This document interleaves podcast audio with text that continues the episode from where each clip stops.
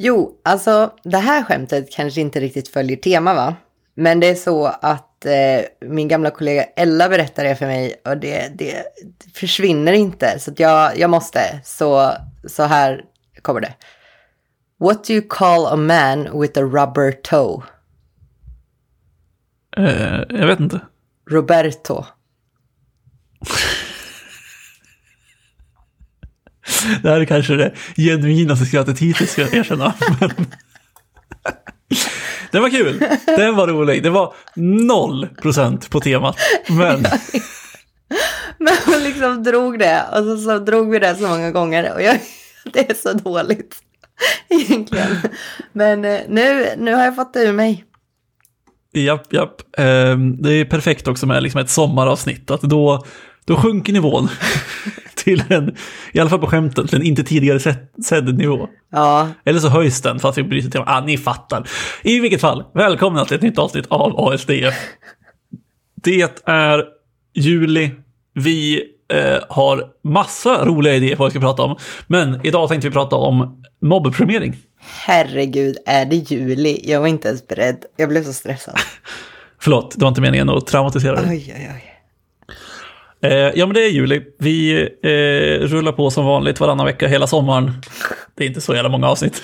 Så det låter inte... Det är en mindre uppoffring än vad det låter som. Men eh, ta gärna emot den. Alltså, nej, det har spårat redan. Det är juli, vi har spårat. Hej. Ja. Eh, men vi tänkte i alla fall att, vi, alltså det är kanske det konkretaste ämnet på länge, vi ska prata mobbprogrammering. Och både du och jag har ju mobbprogrammerat ganska mycket ändå, får man säga. Jag kanske lite mer än dig, men det är inte så att vi är oerfarna.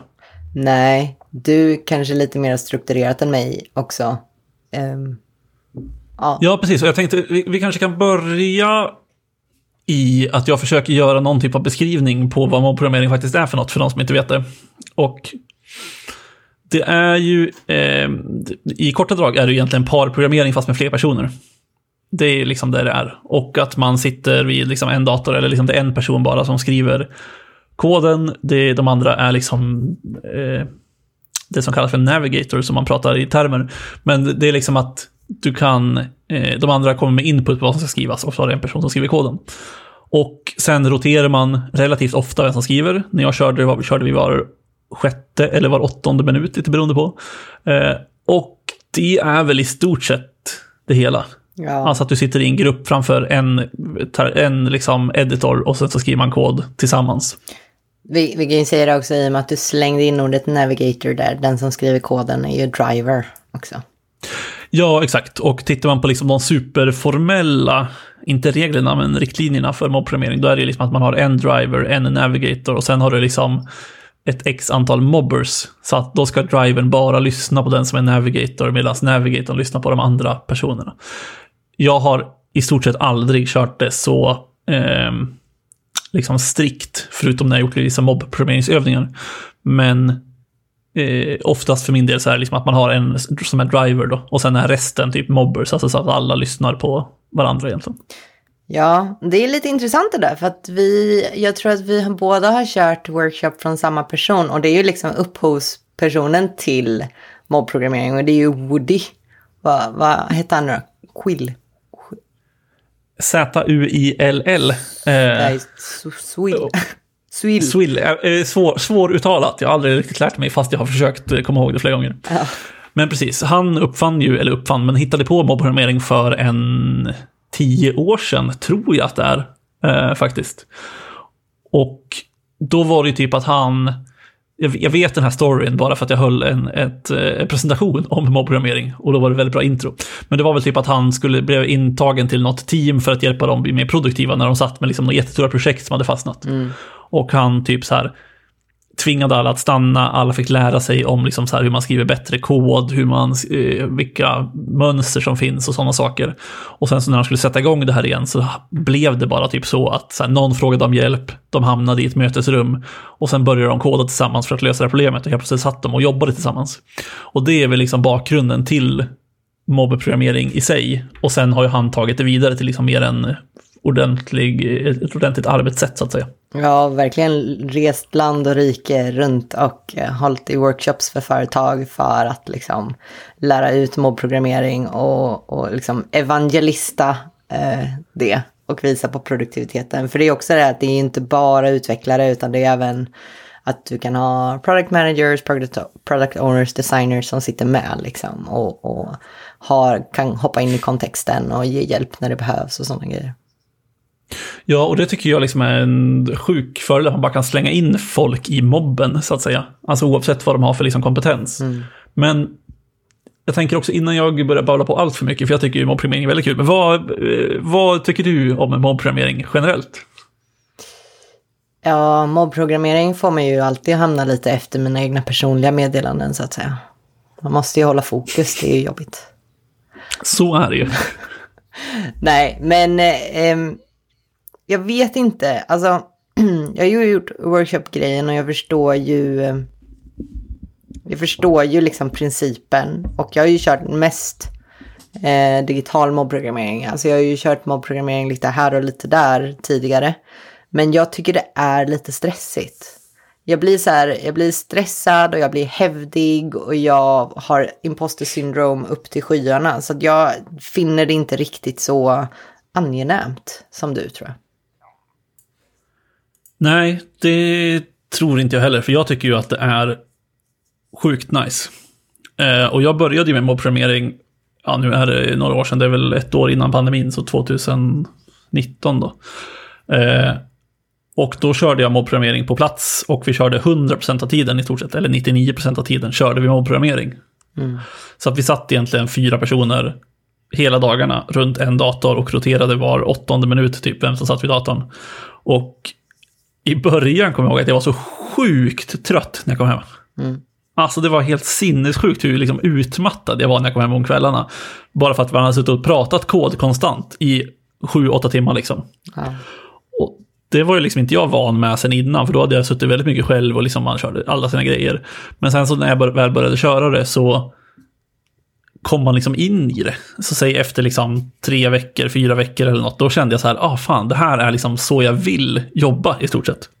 Men det är ju för att du är socialt djur, höll jag på att säga. så är det definitivt. Jag tror inte att mobbprogrammering är för alla egentligen, även om jag tycker att det är sjukt kul och jag tror kanske att så här, majoriteten skulle kunna hitta ett team där de trivs att mobbprogrammera. För det handlar också väldigt mycket om vem man gör det med, hur liksom kontexten ser ut, hur väl man känner varandra, hur mycket man vågar. För det handlar också om att man ska kunna säga så här att det är ganska sårbart att sitta i en grupp med människor och bara ursäkta, jag förstår inte vad vi gör just nu. Mm. Eh, eller ursäkta, kan vi ta det här lite långsammare? Eller kan ni upprepa vad vi precis gjorde? Ja, alltså så är det definitivt. Och jag, det, det som jag tycker är jobbigast, för det tar ju ett tag innan man kommer in i det. Det är väl därför jag har gjort de här små korta eh, grejerna där man inte kommer in i det och då, då får man aldrig flow. Det är alltid några eller någon som är så här hetsig och liksom lite skrikig och så här nästan sliter tangentbordet ur händerna på en för att de bara vill komma framåt liksom. Det, mm. det, där måste man ifrån. Men jag kommer ihåg bland de första gångerna jag satt med det, det var ju en otrolig liksom fördel med för att jag tror att vi behövde mergea en väldigt, väldigt stor feature som fler personer varit inne och jobbat på och kodbasen hade rört sig och så här. Så då var vi ju hela teamet som satt och liksom mergade det tillsammans och där kunde man ju tydligt se fördelarna med det liksom. Ja, men exakt. Nej, för det handlar ju, alltså för min del handlar det om att också att man tar ju bort så mycket kunskapsluckor. Alltså i alla fall om man gör det en stor del av tiden. Att så här, det blir inte att, ja men den här featuren, den är, Therese har koll på den. Utan då, då, måste vi gå på till Therese, eller så här, vi väntar på att Therese kan svara på den här frågan. Utan det blir ju snarare att ja, men hela teamet har byggt featuren, hela teamet har ungefärlig koll. Det är såklart att det blir lite skillnader. Men det blir ändå liksom att ja, men den här kunskapssilosen som liksom eh, kan uppstå när man sitter själv och bygger saker, eller man är den personen som folk frågar om saker. De försvinner ju i stort sett helt och hållet. Ja, men alltså, fast ja, det där har jag lite problem också. Men jag tror att det handlar om en strikt man är att drivern inte bara får köra. För att jag har ju suttit ja. rätt mycket där drivern är den som kan det liksom området och bara kör. Och resten sitter och kollar på typ, försöker hänga med. Och sen i slutändan är det ändå bara samma person som kan allting typ. Ja, exakt. Jag tror att eh, lite av det där tror jag man kan avhjälpa genom att köra liksom ganska korta rotationer. För som sagt, när jag körde på plats senast, ska vi säga, för det är lite skillnad när man kör remote eller digitalt. Eh, men när jag körde på plats, då körde vi sex minuter eller åtta minuters rotationer. Då hinner liksom inte en enskild person bara köra så mycket. Utan ser man att fyra personer i mobben, då är det liksom ja, men, tre fjärdedelar av tiden kommer det inte vara den personen som liksom kan saker som sitter vid tangentbordet. Sen blir det ju fortfarande lite grann så att någon kan sitta och liksom så här, säga exakt vad man ska skriva. Men där handlar det också om att ta lite ansvar själv. Att så här, ja, men om jag är driver så behöver jag inte skriva saker jag inte förstår. Typ. Ja. ja, men det där är spännande för det kan jag tänka mig att liksom själva snabba bytena gör ganska stor skillnad. Jag har inte suttit så strukturerat med liksom. Men det är för att min majoriteten av den erfarenhet jag har är digital. Det är krångligare. Ja, exakt. Ja, men det är liksom min upplevelse också, att när man går från liksom att sitta på plats framför en stor skärm, för när vi har haft det här, då har vi liksom haft en kanske 75-tums tv som skärm, vi har haft ett eh, tangentbord, en mus, en dator, och sen har man bara suttit och roterat på stolarna framför den. Eh, men att gå till digitalt gör det ju, eh, så här, det är, vissa saker är bättre, men just det här med rotationer och allting kring det är ju mycket mäckigare. Ja. Nu när vi gör remote så sitter vi ofta att så här, okej, okay, men då gör man liksom en liten, liten feature som kanske tar en halvtimme, 45 minuter max. Och sen försöker vi rotera. Eh, ibland blir det längre, ibland blir det kortare. Men det är liksom någon typ av målbild liksom. Och det är ju definitivt för länge egentligen. Eh, tycker jag i alla fall. För jag tycker att de här korta rotationerna är en stor del av det som gör det bra och att man liksom får med sig allting, alla liksom vinster eller alla fördelar med det. Ja, alltså då har ni ändå blivit bättre på det, för vi kan sitta så här halva dagar. Det eh, händer absolut fortfarande. Eh, jag, jag, vet inte om vi har sagt det i podden, att jag har tagit din gamla roll. Mitt gamla uppdrag. Exakt, i ditt gamla uppdrag. Uh, om vi refererar till saker som att jag gör någonting till det som gjorde förut, så är det därför. Jag tror vi kanske nämnde det i förra, men det är bra att klargöra det igen. Ja. Um, vad var Jo, alltså för att det går ju att, att hantera sånt också. Om man till exempel använder VS Code så kan man köra det här live share. Det är som att skriva i Google Docs, liksom. Alla kan skriva i samma dokument tillsammans. Och det funkar ju. Det är bara, jag har aldrig riktigt fått någon sväng på det där. För att jag saknar hela bilden när jag kodar. Jag vill ju se eh, lokala bygget. Jag vill ju se när någon kollar loggarna. Jag vill alltså följa med och så fick vi aldrig till själva den här local host-delningen och då har man screenshare på ena, liveshare på andra. Det blev så himla mäckigt, men det är ju egentligen ett mycket bättre sätt om man vill byta ofta liksom. Sen att det är en person som kan checka in koden, men det spelar inte så stor roll. Nej, exakt. Nej, men jag håller med. Vi har också kört det, inte nu på sistone, men innan eh, jag bytte uppdrag så gjorde vi det lite grann. Och det funkar ju liksom bra när det väl funkar, för vi fick ändå till att så här, men du kan dela portar, så du kan liksom surfa in på sajten själv på din dator om du vill, och du kan se eh, terminalen och allting sånt. Mm. Men sen kommer man till en situation och så bara, nej men nu har det slutat funka för mig. Mm. Eh, och då blir det sånt jävla avbrott som det, det stör liksom så oerhört mycket. Ja. Så vi gled ofta tillbaka på att så här, men vi skärmdelar bara. Ja. Sen tycker jag att vi kör något som heter POP nu till exempel för skärmdelningen. Eh, och jag har kört till exempel, jag har kört Microsoft Teams till exempel tidigare och sådana saker och Slack. Men det som jag upptäckte är sjukt viktigt för Remote är också att man ska kunna rita på skärmen. Mm. Alltså för det gör så extremt mycket. Då kan man liksom peka, man kan säga, ja men den här filen. Eller man kan liksom peka på ett, ett kodstycke och säga, ja men det här kan vi kanske ta bort, eller ska vi refaktorera den här bitarna? Och det kan jag till och med sakna lite grann när man gör det eh, på plats, så att säga. Alltså framför en gemensam skärm istället. Så att liksom nu eh, när vi satt och gjorde det på plats sist så satt jag till och med med min dator bredvid bara för att kunna rita. Så att, liksom att jag skulle kunna rita lite grann ibland och säga. exakt. Och så ritar man någonting annat. Ja men typ idag när min eh, tjej började dammsuga så satt jag och ritade en dammsugare på skärmen bara för att folk skulle fatta att det var en dammsugare i bakgrunden. Kanske inte det mest produktiva, men det var kul. Nej, jag råkade ju till douche-movet och rita ett pass en gång för att jag skulle säga pass. Och då blev det så här att alla började rita som en bok på skärmen. Så när det kom in nya, de var, ställde en fråga och så fick de typ en bok ritad. Bara, vad fan hände? det var inte meningen, det var inte meningen. Um, men ja, alltså... Ja, nej, men just, just ritbiten, jag tycker den är sjukt viktig när man kör eh, remote. För att det gör det så oerhört mycket enklare att diskutera saker. Ja, jag tycker också det. Um, Jag har på min nya ställe provat eh, någonting som heter Dro Drovio.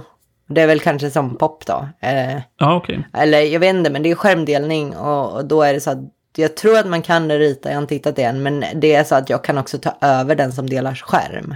Så att jag kan fortfarande skriva, så det är väl någon typ av live share fast det är en skärmdelning liksom. Ja, men precis. Ja, men så tror jag att pop har också, fast vi använder det ytterst sällan. Ja, för att alltså jag provade det med någon och det var det så här, oh, för det var en annan som delade skärmen, ja men du kan ju skriva, jag var absolut, det är bara det att jag kan skriva liksom en eh, bokstav och sen så ska det ju från mig tillbaka till skärmdelningen tillbaka till mig igen, så det var så jävla långsamt, plus att det är i Berlin kontra Stockholm, så så här, ja, det, det, det går inte fort, det gör det inte. Nej. Nej, det är ändå, det är ändå spännande liksom. För vi har också, vi har inte använt det så aktivt, men vi har typ så här, man kan ställa in om man vill köra kontroll eller rita. Ehm, och man behöver liksom inte be om kontroll, utan det är bara att du har kontroll Ja. samtidigt. Eh, så att jag har liksom varit inställd på att jag skulle köra kontroll någon gång när jag trodde att jag skulle rita, så jag började rita och började dra över skärmen och grejer. Ja. Inte, inte helt lyckat. Och så om man själv sitter och delar och så vill någon annan göra någonting så man bara så här, "Nej, nej, det, det är min. Alltså det är som någon digital dragkamp liksom.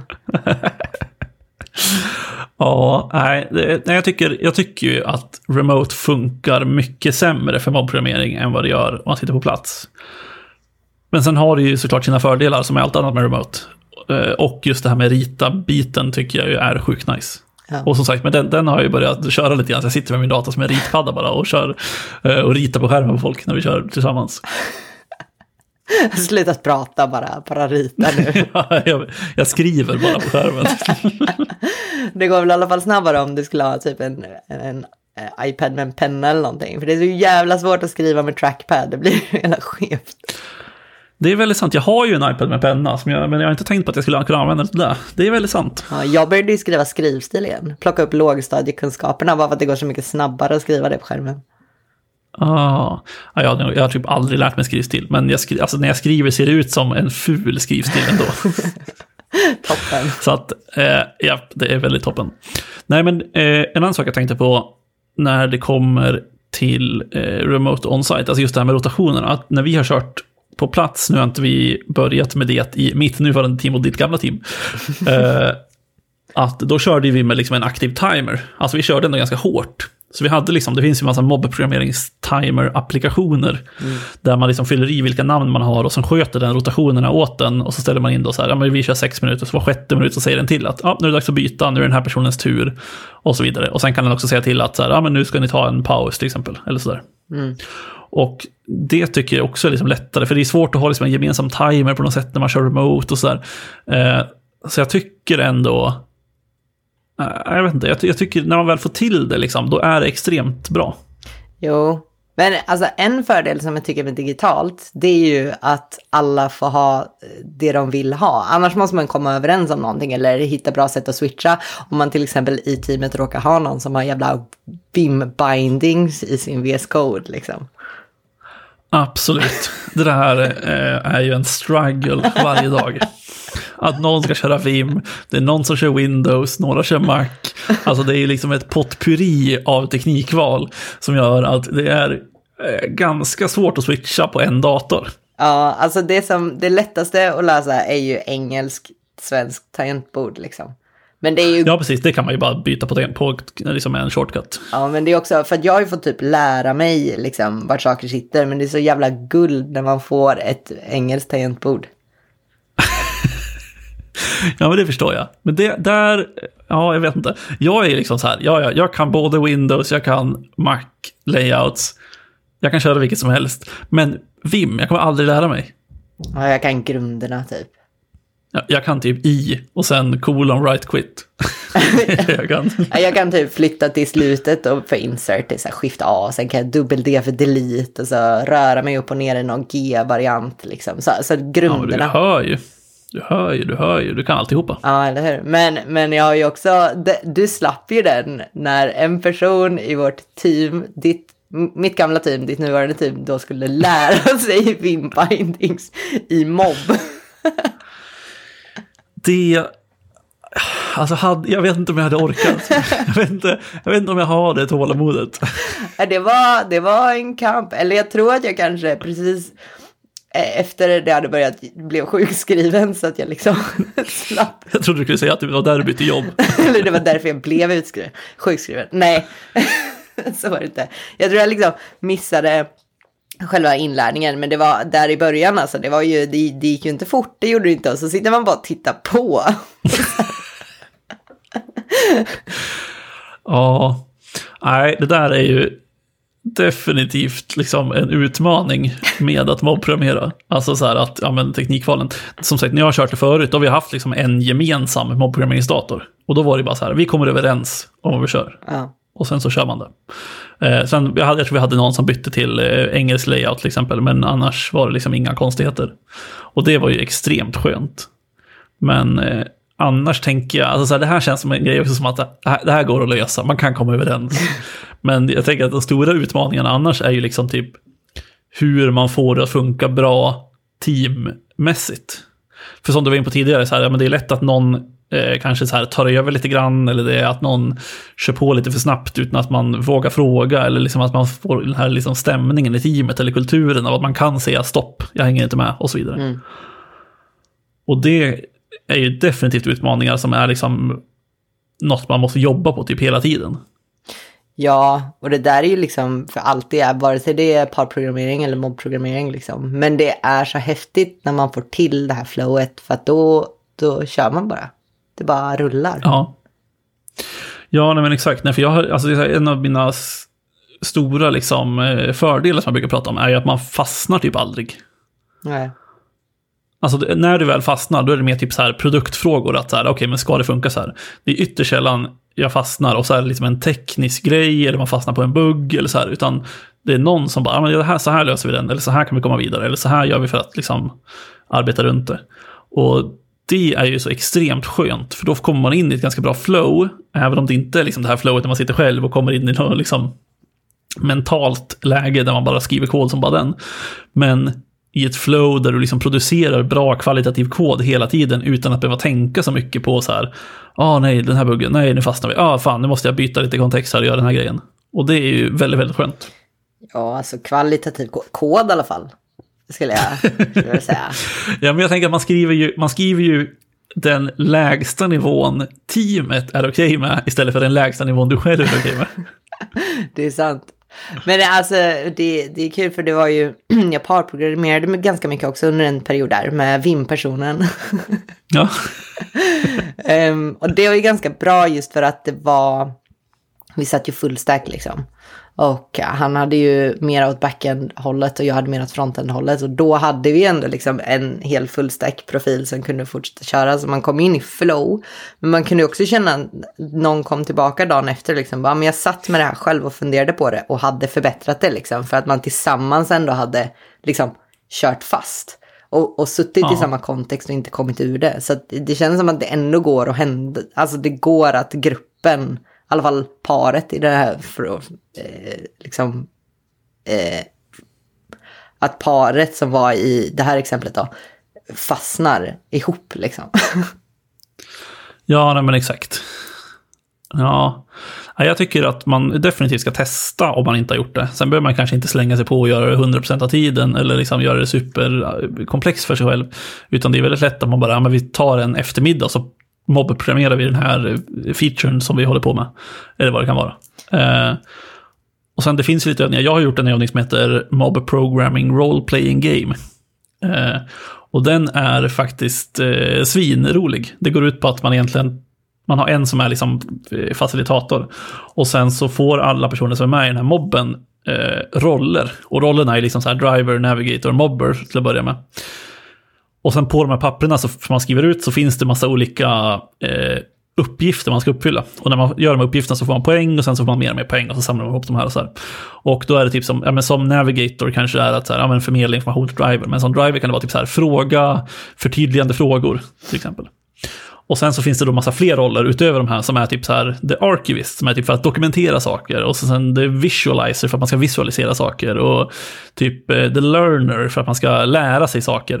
Och jag tycker det här spelet är väldigt bra, eller den här övningen är väldigt bra på att visa att mobbprogrammering inte bara går ut på att skriva kod heller. Utan att det är också ganska mycket så här att man kan vara med i en mobb för att lära sig saker. Eller man kan vara med i en mobb för att bidra med annat än koden liksom. Ja, alltså jag kan inte sluta tänka på det här gamla spelet Maffia eller vad det är, där det är någon som ska mörda alla andra. det kanske är liksom det nä nä nästa stora grejen, är liksom en mobbprogrammerings-maffiaspel där man sitter i en mobb och så blir det bara färre och färre för att man blir mördad. ja, men det är ändå så gamification gillar man ju. Liksom. Gud ja. Uh, och jag tycker den är svinbra. Och då kör man typ rotationer på två minuter liksom. Oh, bara för att det ska gå snabbt och för att man ska fokusera på mobbprogrammerandet. Jag brukar köra, när jag har arrangerat den, jag har kört den här FISBUS-uppgiften, som är den gamla klassiska. Och den är ju liksom en superenkel uppgift egentligen, men jag tror inte en enda gång att någon har lyckats bygga den och bli klar med den. Nej. På en timme typ, eller en och en halv. Man måste ha bra rullhjul på stolarna för att kunna svänga om fort. Exakt. Um, nej, men så det, den tycker jag är definitivt en rekommendation. Annars tycker jag också att målprogrammering, alltså så här, att få det att funka bra, som vi var in på tidigare, handlar ju mycket om att liksom få en bra stämning i teamet, att alla känner sig trygga och att alla vågar säga det de känner eller tycker. Ja, men jag tycker alltså det här det är bra tips att testa liksom. Eh, och göra det någon eftermiddag och så här. Men jag, vill, jag tänker också att man ska komma ihåg att det kommer antagligen skava lite och det kommer vara jobbigt. Så att jag tror att man måste, man måste se till att komma över den pucken också. För att jag har pratat med ganska många som har sagt, äh, det där är inte för mig. Ja, vi testade men det var inte för oss liksom. Men det, det är nog för att också man gav upp. För att det var inte lätt från början. Nej, det är faktiskt en jättebra poäng. Alltså det är inte säkert att man testar omprogrammering första gången och allting flyter på toppen. Liksom. Utan det kan ju vara att man behöver investera lite tid i att få det att funka och sådär. Men jag tror, det jag tänker är liksom att man kan investera den tiden i en eftermiddag i veckan eller något sånt. Eh, istället för att gå 100% direkt. Sen tror jag fortfarande att man får ganska mycket vinning av att göra det 100% för att då ja, men som sagt allt det här med kunskapssilos och eh, allt som vi pratade om tidigare. Men jag, jag håller verkligen med dig om att här, man kanske inte kan förvänta sig att liksom, mobbprogrammering är någon superlösning som direkt när man testar den funkar toppen. Nej. Sen skulle jag också vilja slå ett slag för att inte göra det på eftermiddagarna utan göra det på morgonen när alla är lite pigga och glada. Det är en bra poäng. precis efter lunch eller precis innan lunch, alla är lite griniga precis efter lunch när man har så lite matkoma. Ja. Man, sitter inte, man, man skriver inte vid tangentbordet, man glider lite längre ner i stolen. Ja, man är trött, hälften ska på toa. Alltså det... Japp. Uh, ja, det är kanske inte den givna vägen till succé. Men ja, alltså, så här, jag är ju lite kluven. Jag ser ju fördelarna och så. Och jag trivdes jättebra i teamet. Och jag trivdes jättebra med liksom, jag hade kul verkligen på jobbet genom att sitta och snacka hela dagarna så här. Men jag märkte det också när jag slutade med det, att det är, det är ändå rätt skönt att inte ha andra människor i öronen åtta timmar om dagen. Alltså för det är jobbigt. Just det här, jag tror att det ska man komma ihåg också, för vi var jättedåliga på det, att ta pauser. Vi gjorde liksom inte det. Mm. Så att man måste ju verkligen se till att, att, att göra det. Liksom. Så om man inte sätter en bytetimer så borde man åtminstone sätta en paustimer. Liksom. Ja, verkligen. Det håller jag helt och hållet med om. Det är jättelätt, i alla fall när man kör remote, tycker jag det är mycket lättare att glömma bort att ta pauser när jag körde liksom på plats, då var vi ändå ganska duktiga i teamet att så här, alltså, vi tog både gemensamma pauser, men också att man som liksom, individ kunde bara ställa sig upp. Hörni, jag ska bara ta fem minuters paus här, jag måste jag ta en bensträckare. Och så gjorde man det. Mm. Och det kändes ju lite lättare när man körde på plats, för att då kunde man liksom säga det och gå och sen komma tillbaka, för då kunde man gå någonstans. När man är remote är det fortfarande så här, ja, ja, datorn är ju här. Ja. Den, den står ju där, det är lätt om man bara sitter kvar och fortsätter och så, ja, Ja, alltså för jag har gjort det några gånger när man går iväg och hämtar vatten med lurarna i och så säger någon något och börjar springa tillbaka för det bara, hallå Therese, Therese, Therese, bara, ja, ja, jag hör, jag hör. Typiskt dålig paus och ta det liksom med hörlurarna i. Ja, men det är bara när man tänker så, men jag hinner gå och hämta lite vatten. Ja, ja absolut. Ja, men det där, sen tycker jag, en annan grej jag tänkte på som sista grej här kanske, eh, när man kör remote, är ju att det är ganska nice att ha kamerorna på. För att man kan se folks fokus och hur liksom att så här, det är lättare att märka om man behöver ta en paus. Eh, om man ser hur de andra liksom mår eh, rent kroppsspråksmässigt. Men jag fattar ju, eller jag vet också att det är ju ganska liksom taxerande, det är kanske inte, det kanske är ett svängerskt ord, men det är ganska taxerande att liksom ha kameran på hela tiden. För då sitter man hela tiden och tänker på hur man själv ser ut också. Jag, jag, jag vet inte ens vad du menar med taxerande. Eh, alltså att det är ganska... Eh, att det drar lite, lite energi hela tiden. Aha, okej. ja, exakt. Tax, taxan går. Taxametern. Exakt, Ah, okej, exakt. okej. Oj, oj. Jag tror att det heter taxing på engelska och då försökte jag bara översätta det och då blev det taxerande. Ja, gud, det var som när jag framför native English speakers försökte kalla progressiva gl- glasögon för progressive glasses. Det är ändå väldigt kul. Det hade jag också lätt kunnat göra. det här är jag och mina liberala glasögon. ja. Japp, där har vi avsnittstiteln. Eh, jag tänker att vi kanske avrundar där och inte du har något mer du vill tillägga. Eh, nej, jag tror inte det. Jag menar, det är du som är mobbprogrammeringsexperten eh, av oss två också, så att säga. Ja, det vet jag fan. Men eh, jag, kan, jag kan ta den titeln för tillfället. Ja. Jag, jag, jag, var, jag var sådär, jag, jag gick den här workshopen med mobbprogrammering och fick bara höra hur dålig jag var på att köra TDD. Det var liksom det jag tog med mig, så, att, så att det är på dig. Ja, men TDD är också överskattat. Ja, jo, jag vet. Jag vet. Det är ett annat avsnitt. Det är ett annat avsnitt. Toppen, tack för att ni lyssnar som vanligt. Hoppas ni har en fin sommar eh, och lyssnar på oss ute i solen hellre än framför datorn. Vilken inte stolpig avslutning det var. Men eh, budskapet är detsamma. Eh, ha det toppen så hörs vi. Det gör vi. Bye, bye! Tja.